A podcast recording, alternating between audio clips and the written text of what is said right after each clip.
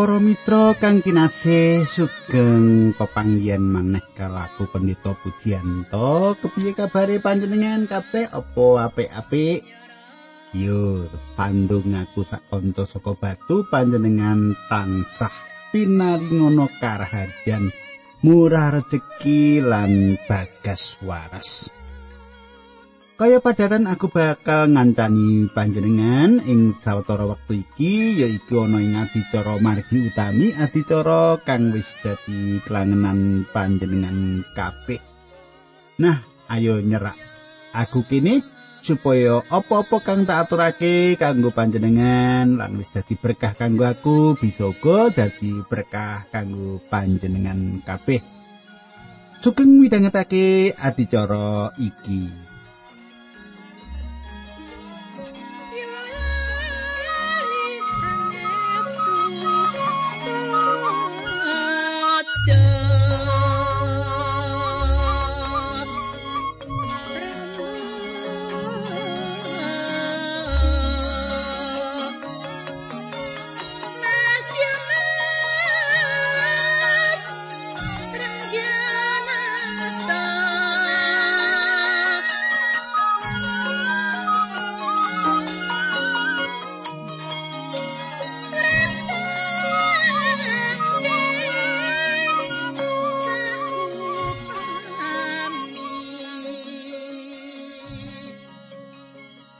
Kadangku, muga-muga panjenengan isih kelingan apa kang ndaturake ing patemon-patemon kepungkur, aku wis ngaturake menawa akeh perkara-perkara sing ditindakake dening Gusti Yesus nalika panjenengane ana jagat iki. Salah sawijining yaiku Gusti nyarasake wong loro, Gusti nyarasake wong sing kepanjingan setan. Lan sapanunggalane.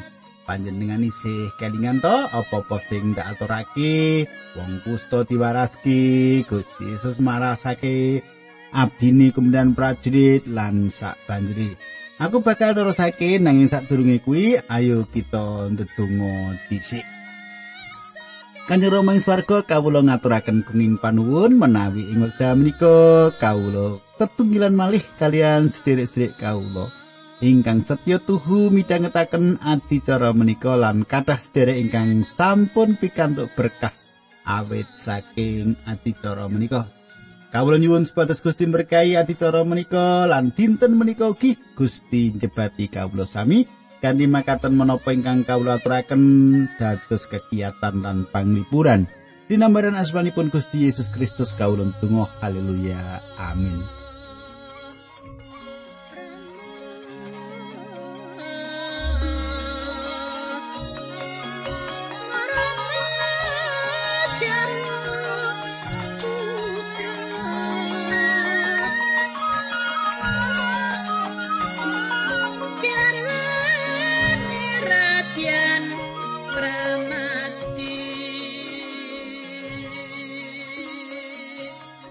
Mitraku kang ndak tresnani akeh tondo pangiramiram sing ditindakake Gusti Yesus. Wong sing wis kapitulungan lara kusta, lara panas, abdi perwira saka Romawi sing lara kabeh diwatake. Bisoka cacahe san sing wis kapitulungan. Panjenengan person nalika Gusti medhak saka dhuwur puntuk akeh wong sing padha ngetut mburi malah saking akeh nganti wong-wong mau padha jejel riel ngrubung Gusti Yesus ing ngendi Gusti Yesus jumeneng.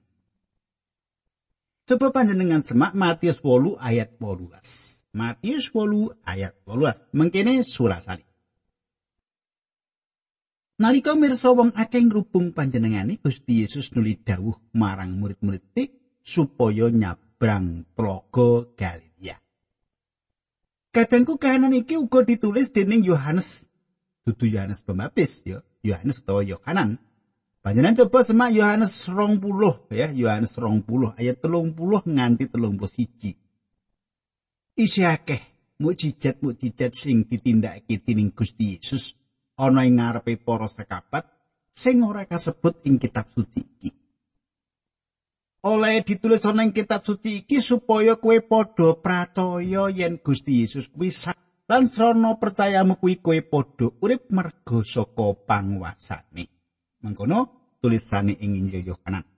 Katengku, lagi wae Gusti Yesus arep tindak nyebrang. Dadak ana wong lanang sing nyedak panjenengane. Coba semak ayat 19 ing Injil Matius 8. Ana ing kono ana sawijining ahli Taurat sing sowan lan matuk. Katanggu ahli Taurat sing sowan nyedak marang Gusti Yesus iki iseno. Sebab yen ahli Taurat sing wis umur tuwa ora bakal matur karo Gusti Yesus kaya ngono. Atine gojak gajek mangu-mangu sida nderek Gusti apa ora nderek. Kaya-kaya ora ngerti apa sing kudu ditindakake bareng ngerti yen Gusti Yesus arep inggal-inggal numpak prau ake-ake miyaki wong-wong sing padha ngrubung Gusti Yesus inggal-inggal matur kaya sing tak waca mah guru kawula badhe nderek panjenengan dateng pundi kemawon tindak panjenengan Katengku Gusti Yesus paling jawaban kanthi bloko marang ahli Taurat nom-nomanku. Coba panjenengan sama ayat rong puluh. Gusti Yesus ngendiko asu ajak padha duwe rong. Lan manuk padha duwe susuh nanging aku. Putrane menungso ora duwe papan kanggo ngletak lan ngasuk. Ngono pangandikane Gusti saka ayat rong puluh Matius bab 8. Yen to dijarwakake kanthi cetok apa kowe wis wani ngadep rekoso? Apa kowe wis wani ngadepi rekoso? Gusti Yesus kanthi ora tedhe ngaling-aling dawuhake bab kemalatane. Jalaran ahli Taurat mau buka urip lan atine, buka urip lan atine ing ngarsane Gusti, mula Gusti Yesus uga ngendikake kahanan sak butuhe sak beneri. Mula saben wong sing kepengin nderek Gusti kudu nyawisake pangorbanan. Pangorbanane urip pangorbanane wektu lan uga pangorbanane bondo donya. Yen to makarya kagem Gusti ora ana panginepan sing edipeni utawa tumpakan sing empuk korsine kabeh sarwa prasaja sederhana. Manuk ing awang-awang duweni susuh aswajak ing padang alang-alang duweni guwa kanggo turu. Nanging Gusti Yesus ora kagungan papan kanggo nyemelehake mestakane. Gusti Yesus sugeng nandang kacingkrangan. Kudune manungsa sing nglakoni nanging Gusti Yesus mundhut kabeh kasangsaraning manungsa. Ora kecerita bareng wong nom-noman mau krungu ngendikane Gusti Yesus apa sida apa ora nggone kepengin nderek Gusti ora kacerita meneh. Kacerita prawis sumadyo ing pelabuhan kecil ing ombak telaga alon-alon pating kecipak gegulungan oyak-oyakan ing pinggiring bisik ebendae sore iki banyu lerap-lerap sing ketrajang sunare bagas kara kaya perak sinangling cahyani Dumadaan ana murid sing matur marang Gusti ngene. Ayat 21 nuli ana murid liyane sing matur Gusti kawula nyuwun pamit badhe ngubur bapak kawula kadangku ngubur jasad ing kene tegese ngopeni nganti sak sedane iku bisa diunekake ngubur bapak kawula. Jalaran ing tanah Israel malah ing ngendi-endi papan yen ana wong lanang. Duweni tanggung jawab marang para wong tuane wong iku wong lanang kuwi kudu ngopeni bapake nganti sak matine mengkono yen kita ora ngerti adate wong ing papan kono bangunan kono ngira yen anggone paring jawaban marang nom-noman mau salah ditopo. Nanging ora iku jawaban sing cocok marang wong nom-noman mau. Matius 8:21 nanging Gusti Yesus ngendika melu aku wong mati cik ben padha ngubur panunggalane sing padha mati Katanggu Gusti Yesus ngendika supaya wong liya sing padha ngrumat nganti sak sedane marang bapakne utawa bapakne ora merlokake pangrumati. Apa iki tegese negake wong tuane? Apa iki tegese negake wong tuane pangiraku ora? Jalaran ing kene Gusti Yesus lagi ndadar kekarepane nggone arep nderek Gusti. Yen ora kanthi tekad sing sentosa, luwih becik bali mulih marang wong tuane. Ngono. Ayat 23. Gusti Yesus banjur minggah ing prau lan para murid-e padha nderek. Katangku, murid-murid arep ndeleng maneh mukjizat pangeram-eram sing sipate alamiah gegayutan karo kahanane alam. Ayat 24. Ora wetara suwe ing tlaga mau ana prahara nganti praune diontang-antingke dening ombak nalika semono Gusti Yesus lagi sari kadangku iki dudu sak baene lesus biasa ing pacoban sing direka daya dening iblis amrih cilakane Gusti Yesus kanthi nggunakake lesus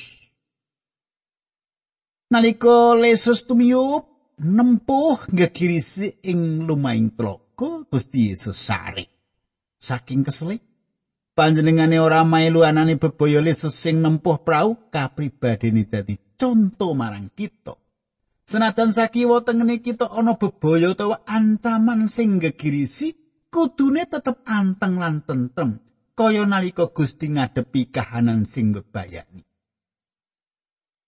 Matius 8 ayat selawi. para murite nuli padha marani mungu panjenengane lan padha bengok-bengok. Gusti nyuwun tulung praunipun badhe kerem katengku. Nalika semono rak bebarengan karo Gusti Yesus.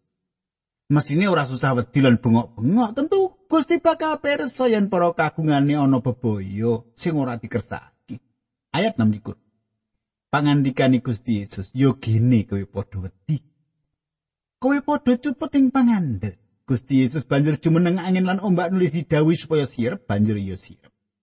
Katengku, Gusti Yesus ndukani para murid ginio padha wedi.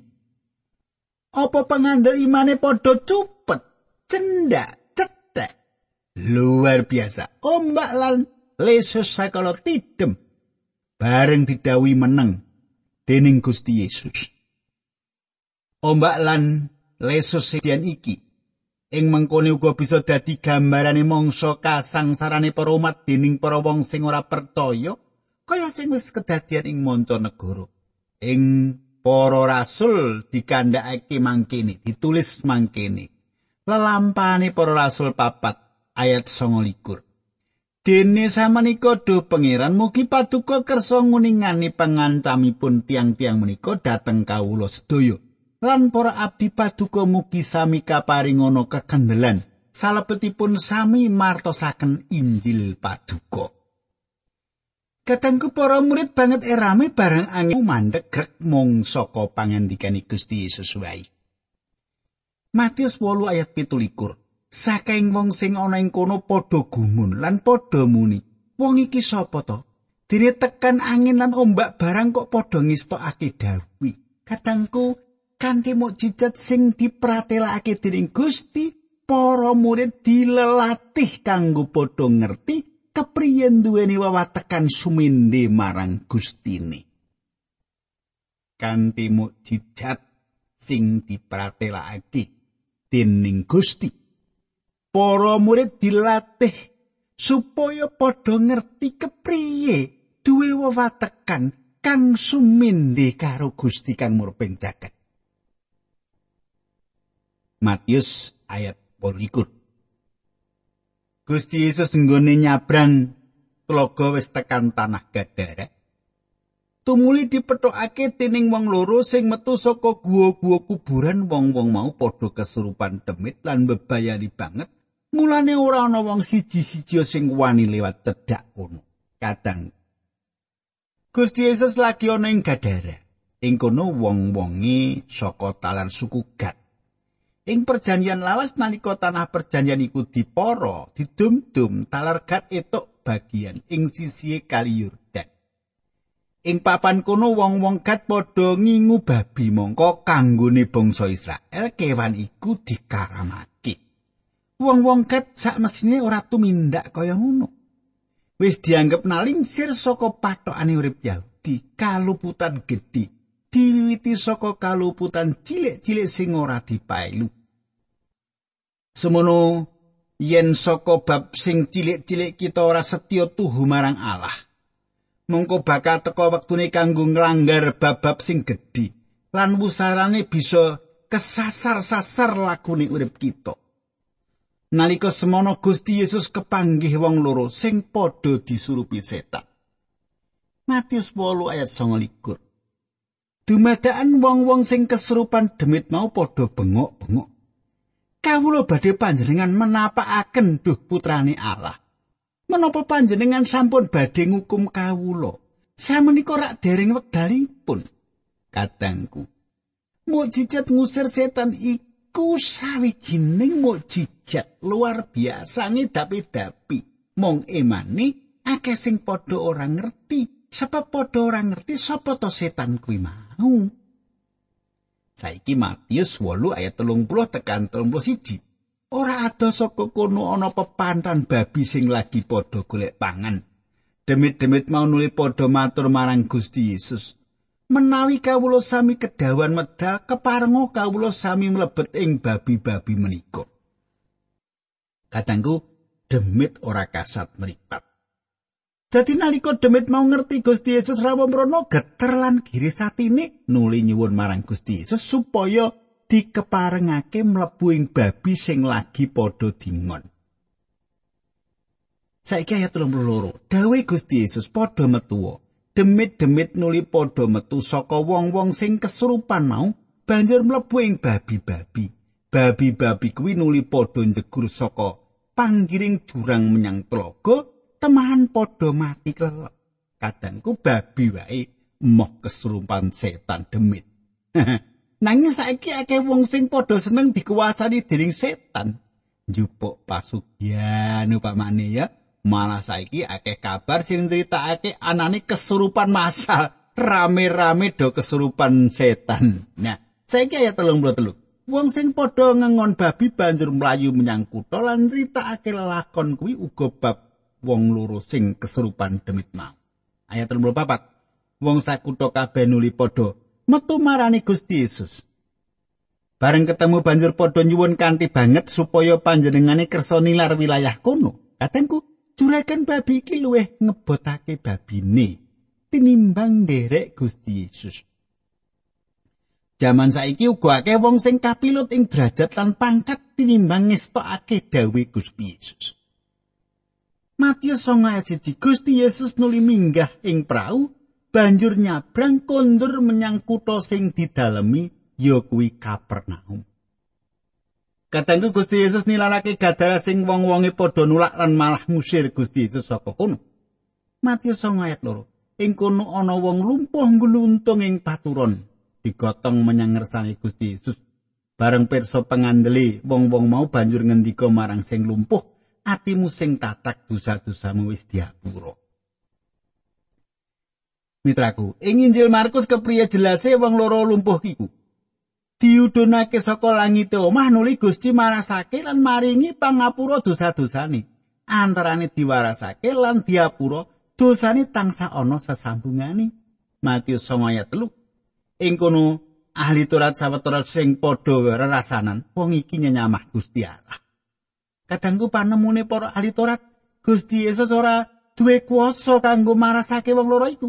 Matius 9 ayat 5. Gampang endi muni dosamu wis diapura karo muni tangio lan lumaku. Kadangku kabeh padha ceplak ora ana jawabane.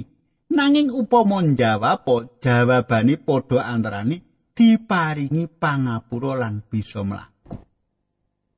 Ayat 6 lan 7 Matius 9. Aku arep aweh bukti yen putrane manungsa duwe panguwasa ngapura dosa. Gusti banjur ngendika marang wong sing lumpuh mau, "Tangio, peturunmu angkaten lan mulya." Wong lumpuh mau ya banjur ngadeg lan mulih.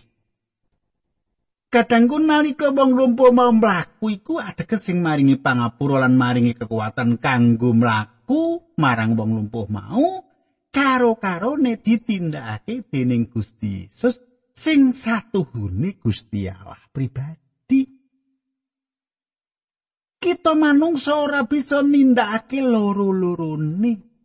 Kadangku akeh sing padha naniru. ndongaake wong loro supaya dadi waras. Nanging sing luwih utama padha digatekake apa iku mau kabeh marakake asmani Gusti Yesus kamulyakake. Yen ora, iku pakartine setan. Gusti Yesus nimbali Matius. Matius 9 Gusti Yesus banjur ngajengake tindake nuli mirsa pegawe pajak jenenge Matius lagi lungguh ing kantore. Matius didawi melu aku. Matius banjur ngadeg lan nderekake Gusti Yesus. Ayat 10 11 Nalika Gusti Yesus lagi daring omahe Matius ana pegawe pajak lan wong-wong sing dianggep ala dening masyarakat padha teka lan mangan bebarengan karo Gusti Yesus sarta murid-muride. Ana wong Farisi sawetara sing padha weruh banjur padha takon marang para murid Gusti Yesus. "Ya kene gurumu kok mangan bebarengan karo pegawe pajak lan wong ala?" Matius pancen lembah hatine. Ya mung ayat iki dheweke nulis bab pribadine nderek Gusti Yesus. Wawatekane wong Parisi pancen ering lan iri marang Gusti Yesus. Mula tansah golek prakara kanggo ngluputake panjenengane. Matius 9 ayat 13 lan 13 Gusti Yesus mireng pitakonan mau nuli ngendika wong sing waras ora butuh dokter, sing butuh dokter kuwi wong sing lara. Surasanen apa tegese ayat ing kitab suci sing unini kang ndak kersake dudu kurban, nanging tumindake katresnan. sebab tekaku iki ora kanggo wong sing sampurna nanging kanggo wong sing rumangsa dosa.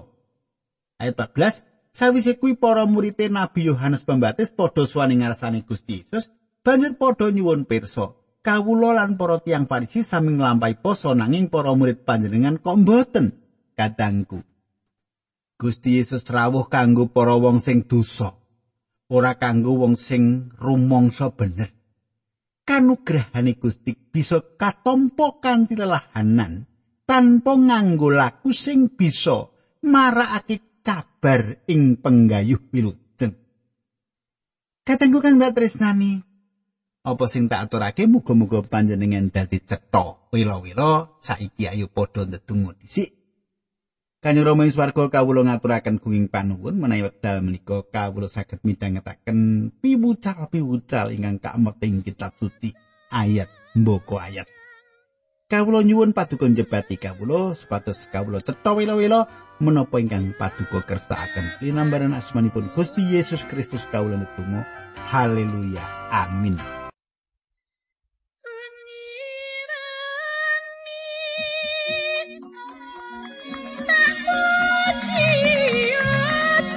Yeah.